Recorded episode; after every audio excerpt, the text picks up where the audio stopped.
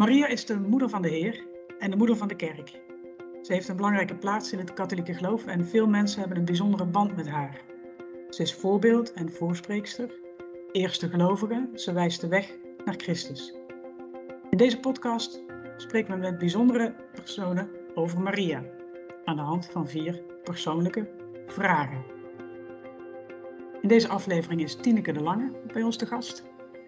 Uh, van harte welkom Tineke. Ja, dankjewel. Uh, misschien kun je even jezelf introduceren en ook uh, zeggen, ehm, als ik zeg Maria, wat zeg jij dan? Uh, goed, ik ben Tineke de Lange. Ik uh, ben beleidsmedewerker voor de Bisschopconferentie op het terrein van de contacten met het Jodendom. En ik geef op verschillende plaatsen colleges Oude Testament en Judaica.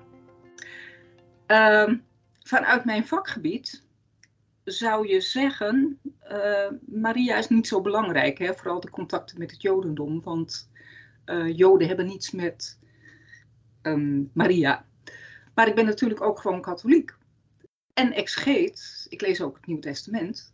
En um, ja, dan frappeert me toch telkens uh, hoe Maria reageert op zaken die heel groot en onverwacht zijn.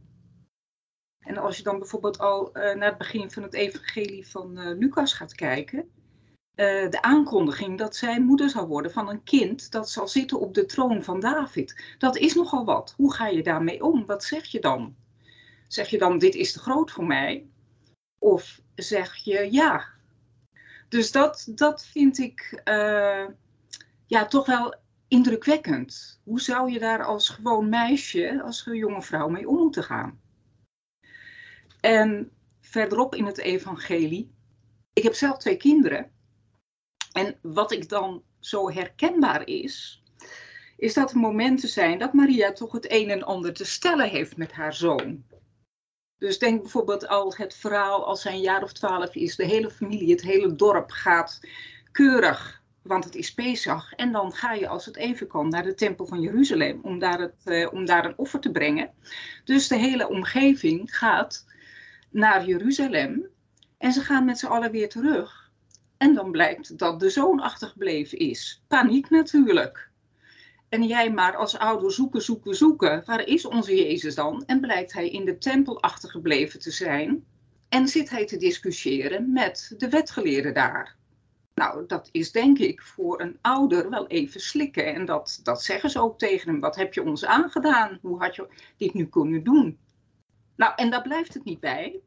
Want later, als Jezus volwassen is uh, en hij uh, verkondigend en genezend rondtrekt door het land, dan vind je in drie evangelies, bijvoorbeeld, ik houd het nu even bij Lucas, je vindt het in uh, Lucas 8, het verhaal dat um, de familie van Jezus zich blijkbaar toch wel zorgen maakt van wat is die jongen, waar is die jongen toch mee bezig? Ook heel herkenbaar. Dus ze gaan kijken wat hij aan het doen is. En dan gaan ze hem opzoeken. En hij is daar te midden van een groep mensen aan het verkondigen en genezen. En hij laat zijn familie buiten staan. Met de woorden: Dit uh, is mijn moeder en dit is mijn familie. Dus zijn leerlingen, de mensen om hem heen, voor wie hij werkt, komen op de eerste plaats. En dat lijkt me op dat moment toch ja, voor uh, de moeder en de verdere familie wel even slikken. Dus ja, uh, het komt later wel goed, hè? want in uh, één handelingen vind je dat de moeder en de, de familie van Jezus ook bij zijn leerlingen zijn. En zo zie je dat zij uiteindelijk ook zijn leerling zijn geworden. Maar goed, ik vind dat op zich natuurlijk wel een interessant verhaal voor ouders die denken af en toe van hoe moet dit toch verder? je kind moet toch zijn of haar eigen weg gaan. En soms is dat een heel bijzondere weg. En je zegt, je benadrukt, het zijn hele herkenbare situaties. Ja. En aan de andere kant zeg je ook van, het is Maria die met iets heel groots wordt geconfronteerd. Ja, ja, ja. Ja, dus zeg maar tegen, tegen de Heer, ik ben uw dienstmaagd. Ik zeg ja op wat op mij afkomt ik zal de moeder van de Heer worden. Dat lijkt me, dat is toch overweldigend. Maar dat geeft ook een zekere spanning, dat Maria in hele herkenbare situaties zit. Ja. En anderzijds in, in hele bijzondere Ja. situaties. Ja, precies. Ja. Dus dat zal ons niet zo gauw overkomen, het eerste. Maar het tweede is natuurlijk wel nabij. Dat is wel heel herkenbaar. Je zei ehm, vanuit de Judaica gaat het eigenlijk niet over Maria. Maar je bent Nee. ook katholiek, dus, dus voor jou leeft het wel. Maar gaat het in de Judaica inderdaad niet over Maria? Want Maria is een Joods meisje. Ja, maar dat is het dan ook. Maar ja, goed, het Nieuwe Testament is, het is op zich natuurlijk wel, je zou kunnen zeggen dat het een Joods geschrift is, maar het is eh, niet een geschrift dat door Joden erkend wordt als Bijbel. Dus die hebben er verder niets mee. En ze kennen natuurlijk de figuur van Maria wel als een, een christelijke persoon, of zeg maar de moeder van Jezus, maar het speelt geen rol in de Joodse religie of de Joodse cultuur.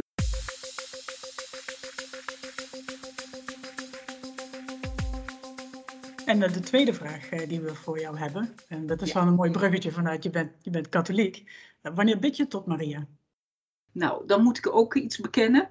Het heeft ook heel veel te maken met wat je van huis hebt meegekregen. Hè? Dus bij ons thuis was het wel heel gebruikelijk om het onze, onze vader en het wezengroet te bidden. Maar voor de rest, mijn moeder had niet zoveel met Maria-devotie. Dus daar heb ik eigenlijk ook niet zoveel van meegekregen. En aan de and- andere kant wel meer het, het, het eenvoudige rituelen zoals het, het kaarsje opsteken bij Maria in de kerk. Dat weer wel. Maar dat heeft denk ik toch te maken met het ritueel zelf. En ja, dat, dat wees goed. eh, er zijn natuurlijk heel veel Maria-liedjes en Maria-gebeden. En voor mij blijft toch het mooiste het wees gegroet, omdat het eigenlijk zo eenvoudig is. En ook zo dicht ligt bij de woorden die, die Maria zelf eh, gehoord en gesproken heeft. Dus ik vind aan de ene kant wees gegroet een mooi gebed. En het is ook nabij. Aan de andere kant wil ik ook altijd graag pleiten voor het Onze Vader als een be- gebed tot iemand die jou evenzeer nabij is. Wij hebben een beetje de neiging om God de Vader als heel ver, ver af te zien. Terwijl als je naar het Onze Vader kijkt, ja, waarom bidden we Onze Vader? Die Onze Vader is natuurlijk net zo nabij. En uh, ja, God is eigenlijk vader en moeder tegelijk. En dat zie je ook in bepaalde teksten in het Oude Testament. Ik denk aan de profeet Hosea, waarin God uh, ja, beschreven wordt als een, een vader die uh, ja, voor zijn kind zorgt. En wanneer bid je het wees gegroet dan? Heb je ook een bepaalde bijzondere herinnering aan van wanneer het... Uh, nee, bij ons was het gewoon in het, bij het eten. Hè? Dat was gewoon als je samen bent, rond de tafel. Dus dat heeft wel iets van, van gemeenschap voor mij. En dat kan in je gezin zijn, het kan ook uh, in, in de kerkgemeenschap zijn.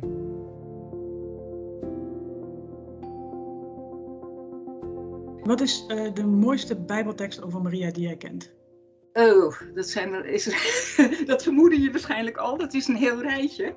Ik vind dat de manier waarop Lucas vertelt over Maria en over Elisabeth. Hè? Er worden dus in het Lucas-evangelie twee vrouwen naast elkaar gezet. Je hebt Elisabeth, dat is eigenlijk een soort tweede Sarah. Die is oud en haar man is ook oud. Dus, uh, en zij kunnen menselijke wijze gesproken geen kinderen meer krijgen. Die leeftijd hebben ze gehad. En daarnaast heb je Maria, een jonge vrouw die uh, verloofd is, maar nog niet met haar uh, man samenwoont. Dus zij staat nog uh, aan het begin van haar leven. En zij kan in haar situatie menselijke wijze ook geen kind krijgen. En toch krijgt ze het. En die twee um, vrouwen die worden bij Lucas telkens naast elkaar gezet.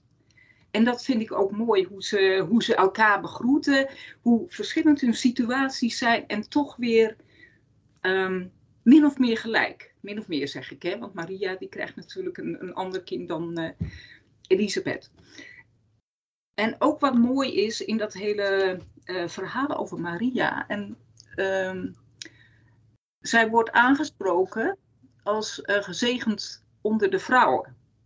Nou, en als je het Nieuwe Testament leest, dan klinken er altijd teksten uit het zogeheten Oude Testament mee. Nou, en dat is in dit geval ook, want in de Bijbel zijn er nog twee vrouwen die gezegend boven of onder de vrouwen, het is een beetje hoe je vertaalt, en dat zijn uh, in het boek Rechters is dat een vrouw Jaël en in het boek Judith is het Judith. En uh, geen van beide vrouwen zijn doetjes, want wanneer worden zij zo genoemd? Deze twee vrouwen die schakelen, allebei een legeraanvoerder uit. Dus het volk Israël wordt bedreigd door een andere macht en zij zijn in feite degene uh, die het volk redden. En dat doen ze op een, uh, nou ja, wel tamelijk doortastende manier, zal ik maar zeggen. Maar zij hebben iets te maken met bevrijding uit een noodsituatie. En dat heeft Maria op zich natuurlijk ook. Die heeft ook iets te maken met bevrijding. Haar zoon, die wordt, uh, dat is de bevrijder. Uh, dus dat, dat is ook een uh, hele mooie parallel. En dan heb je natuurlijk ook dat Elisabeth tegen Maria zegt dat ook de vrucht van haar schoot gezegend is. En dat is ook weer een citaat uit het boek Deuteronomium. En daar spreekt, in het boek Deuteronomium spreekt Mozes tot het volk. En daar gaat het om de keuze die het volk uh, maakt. Uh, er is een relatie met God, een verbond. Blijven jullie die relatie trouw, dan zal het jullie goed gaan. Dan zullen jullie gezegend worden. En met dat gezegend, dan zal bijvoorbeeld de vrucht van je schoot gezegend worden. Dus er zijn een heleboel dingen waarin je dan gezegend kan worden. En een van die dingen is de vrucht van je schoot. Dus je zal kinderen krijgen. En dan zie je dat met die simpele woorden die uh, Elisabeth dan uitspreekt tegen Maria, dat ook hier dat, dat verhaal van Maria weer in het hele verband wordt gezet van die bevrijding van het hele volk, van de, van de belofte van God voor de toekomst. Ja, en dan hebben we natuurlijk het Magnificat. Dat is, vind ik eigenlijk nog het mooiste, omdat het zo'n zo'n geweldig sterk gebed is waarin eigenlijk de, de, uh, ook de maatschappelijke verhoudingen op hun uh, kop worden gezet. Hè? Dus het gaat niet om de sterke en de machtige, maar God kiest juist voor uh, de armen en de onaanzienlijke. En de mensen met, het grote, met de grote mond daar, die delven het onderspit, het zijn juist de mensen die te bescheiden zijn en die geen stem hebben, die voor God belangrijk zijn. Ja, en dat, dat, dat blijven natuurlijk prachtige en, en actuele teksten. En ook als je hier naar dat Magnificat gaat kijken, dus dat is uh, het eind van het Lucas even, of uh, hoofdstuk 1 van Lucas, dan zie je dat dat ook weer allemaal bestaat uit citaten uit het Oude Testament. En dat het het meest lijkt op de lofzang van Hanna, dat is de moeder van uh, de profeet Samuel. Uh, die spreekt op een gegeven moment ook een gebed uit. En deze Hanna, die heeft ook weer een parallel met, met uh, Maria. Namelijk, Hanna is ook een vrouw die geen kinderen kan krijgen. En die krijgt toch een kind, omdat ze het van God afsmeekt. Dus dit weer, is weer zo'n verhaal waarbij God te maken heeft met de geboorte van een kind. En Hanna noemt zichzelf tegenover, haar, uh, tegenover God ook uw dienstmaagd of uw dienares. En dat doet Maria ook. Die zegt over zichzelf tegen de engel, zie de dienstmaagd van de Heer. Dus je ziet dat er uh, het verhaal van Maria op allerlei manieren verweven is met die, die verhalen uit het zogeheten Oude Testament. Met die geschiedenis, de hele geschiedenis van het volk Israël en God. Ik vind het altijd leuk om daarover te vertellen en ja, om, om Maria op die manier wat rijker te maken, zou ik maar zeggen. Ik vind het wel fascinerend, want ik, ik, ik vraag aan jou van wat vind je de mooiste tekst en, en waarom? Ja. En je hebt eigenlijk een hele hoop teksten en ik ja. hoor jou heel enthousiast vertellen. Wat mooi is eigenlijk überhaupt die uh, verbindingen tussen Nieuwe Testament, Oude Testament. Maar je noemt ook heel wat uh, thematieken, dus uh, vrouwen die mannelijke koningen overmeesteren eigenlijk. Je hebt het over verhoudingen tussen, tussen, tussen, tussen klein en groot, zwak en sterk. Je hebt het over, over kinderen krijgen. Dus ja, blijft eigenlijk die vraag van wat, wat is dan, wat vind je dan toch echt het, het waarom spreekt jou dat zo aan? Dus die, die thematieken ook. Heb je er persoonlijk wat mee ook? Ja, ik, ik denk dat het uh, ook te maken heeft met de, de opgave die wij als als christenen hebben. Maar het heeft natuurlijk ook te maken met, met uh, de, de, verkondiging van Jezus, de verkondiging van het Rijk God, waarin iedereen een plaats heeft. En we weten allemaal uh, over onze uh, wereld dat we toch wel in een gebroken wereld leven, waarin dat ideaal nog ver weg is. En natuurlijk mogen we hopen op de komst van het Rijk Gods, maar we kunnen niet met onze armen over elkaar gaan zitten en wachten tot het komt. Dat weten we natuurlijk ook. En dat doet Maria ook niet. Die gaat ook niet met haar armen over elkaar zitten wachten. Die, uh, die spreekt ook een gebed uit waarin ze. Dat gaat over bevrijding. En uh, die gaat uiteindelijk ook met haar, uh, met haar zoon op pad. Dus ik denk dat daar ook wel een, een, een opdracht voor ons allemaal ligt. Het verbond met God, het gaat ook over bevrijding. En ja, dat, dat de mens toch tot zijn bestemming komt en doet wat goed is. Is Maria dan voor jou persoonlijk ook inspirerend wat dat betreft? Ja, op die manier wel. Het, het is een, een heel eenvoudig meisje uit een dorpje ergens daar in, het, uh, in Galilea, die deze woorden spreekt ja, zij is in persoon al iemand die dat verbeeldt. Hè? Dat, dat het gaat om de arme en onaanzienlijke. En daarom begrijp ik ook heel goed dat zij voor zoveel vrouwen, en niet alleen vrouwen, zo'n aansprekende figuur is. Het is geen uh, machtige gouverneur, uh, geen machtige ministersvrouw of president of koningin of zo. Het is een heel eenvoudig uh, meisje dat ja, ergens in een plaatsje woont getrouwd is met een man die ja, een soort aannemer-timmerman is. Hele gewone mensen, zoals wij allemaal.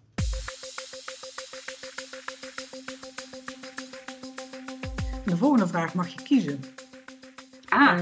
Um, mag je kiezen tussen het mooiste Maria-lied of het mooiste Maria-feest, mooiste Maria-bedevaartplaats? Wat zou je kiezen? Nou, ik ben erg van de muziek ja, weer om. Ik heb in het begin verteld dat uh, bij ons thuis de Maria-devotie niet op een heel hoog plan stond. Mijn moeder kende wel al die Maria-liedjes hoor. Maar ik heb haar eigenlijk weinig betrapt op het zingen van Maria-liedjes onder de afwas of zo. Dus wat ik wel heel. Mijn favoriete Maria-muziek, die heb ik natuurlijk wel. Uh, zijn de Maria-vespers van Monteverdi. Die zijn heel bekend. Uh, begin 17e eeuw geschreven. En je hebt natuurlijk het Stabat Mater bijvoorbeeld van Pergolesi. Maar wat ik het liefst zou willen laten horen, en dat heeft een beetje te maken, ik ben vorige week naar een concert geweest in Amsterdam toevallig. En dat was een concert waarin muziek gespeeld werd van koning Alfonso X, de wijze, die was koning van Castilië, Spanje, in het midden van de 13e eeuw. En dat was nog in de tijd dat uh, er in Spanje moslims woonden en natuurlijk ook Joden. En deze koning die verzamelde aan zijn hof allerlei geleerden, Joodse en moslimgeleerden. En hij schreef zelf ook Maria-liederen. En in die Maria-liederen, die zijn ook redelijk bekend, in Spanje althans, uh, die heten de Cantigas de Santa Maria. Daar hoor je volgens veel deskundigen die, die Moorse invloed. Dus het zijn teksten over Maria, maar ook invloed die niet christelijk is of niet katholiek. Uh, dus in Spanje bestond er een soort, uh, was de cultuur toch wel beïnvloed door andere culturen. En het zijn een heleboel van die cantiga's. En ik had er eentje uitgezocht omdat dat een redelijk bekende is. En omdat ik er een variant uh, van vond waarin je die Moorse invloed zo mooi hoort. Binnenkort gaan de jongeren naar de Wereldjongerendagen in, uh, in Portugal is dat. En dan is het ook wel leuk om te weten dat, dat Iberisch Schiereiland een hele bijzondere geschiedenis heeft. Dus multireligieus en multicultureel. Het was geen paradijs, want er gingen ook dingen behoorlijk mis. Maar uh, ja, het, het, kan je blik wat uh, verruimen. Dus dat was een beetje het, uh, de achtergrond van de keuze voor, voor dit lied.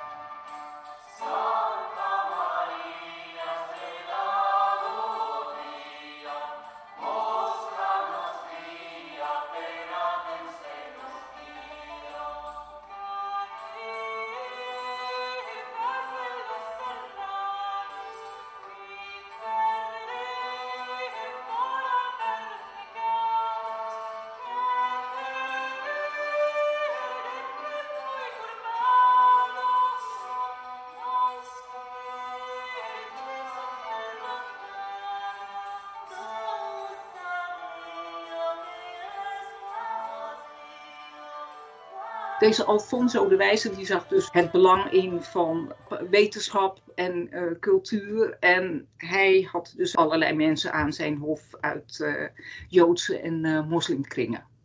Wat vind, wat vind je dan zo mooi aan, aan deze muziek? Of zijn het vooral ook weer de teksten? Nou, nee, het, het, gaat echt om de muziek. En ik, hou, ik heb sowieso een voorkeur een beetje voor middeleeuwse eh, muziek en renaissance muziek en muziek uit de, de vroege barok. Uh, en deze kantika vond ik zo aardig omdat je, omdat je het ook zo mooi mee kan zingen. Hè? Het heeft ook vaak iets van uh, volksmuziek, volksmuziek. Want die, die uh, Maria Vespers van Monteverdi, daar hoor je ook allerlei dansmelodietjes in hoor. Dat is ook wel het leuke van, van die muziek. Maar deze, die kantika's, die zing je toch makkelijker mee.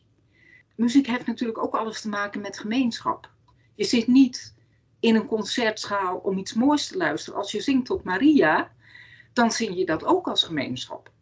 En daar zijn deze liederen zijn daar toch wel uh, geschikt voor. Het is al de tweede keer dat het terugkomt, hè? dat je het over, over gemeenschap begint. Ja, ja, ja, ja, ja. Dat is belangrijk. Ik denk het wel. Dat zie je ook uh, bij die bedevaarten. Maria-betervaarten. Waar mijn familie ook een wisselend actieve rol in had. Maar goed, wat je dan altijd meekrijgt, is dat, dat het ook zo bijzonder is om met, grote groepen mensen op één plaats in hetzelfde geloof samen te komen.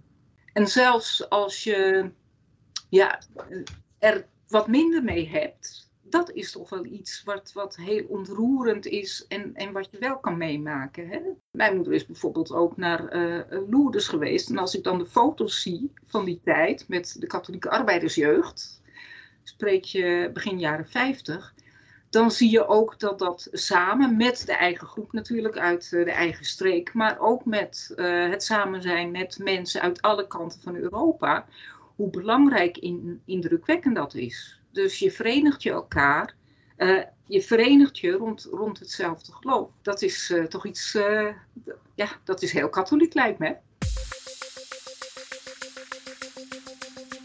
Je noemde het al even, de jongeren gaan deze zomer op bedevaart naar de Wereldjongerendagen. Ze hebben als thema Maria stond op en ging met spoed.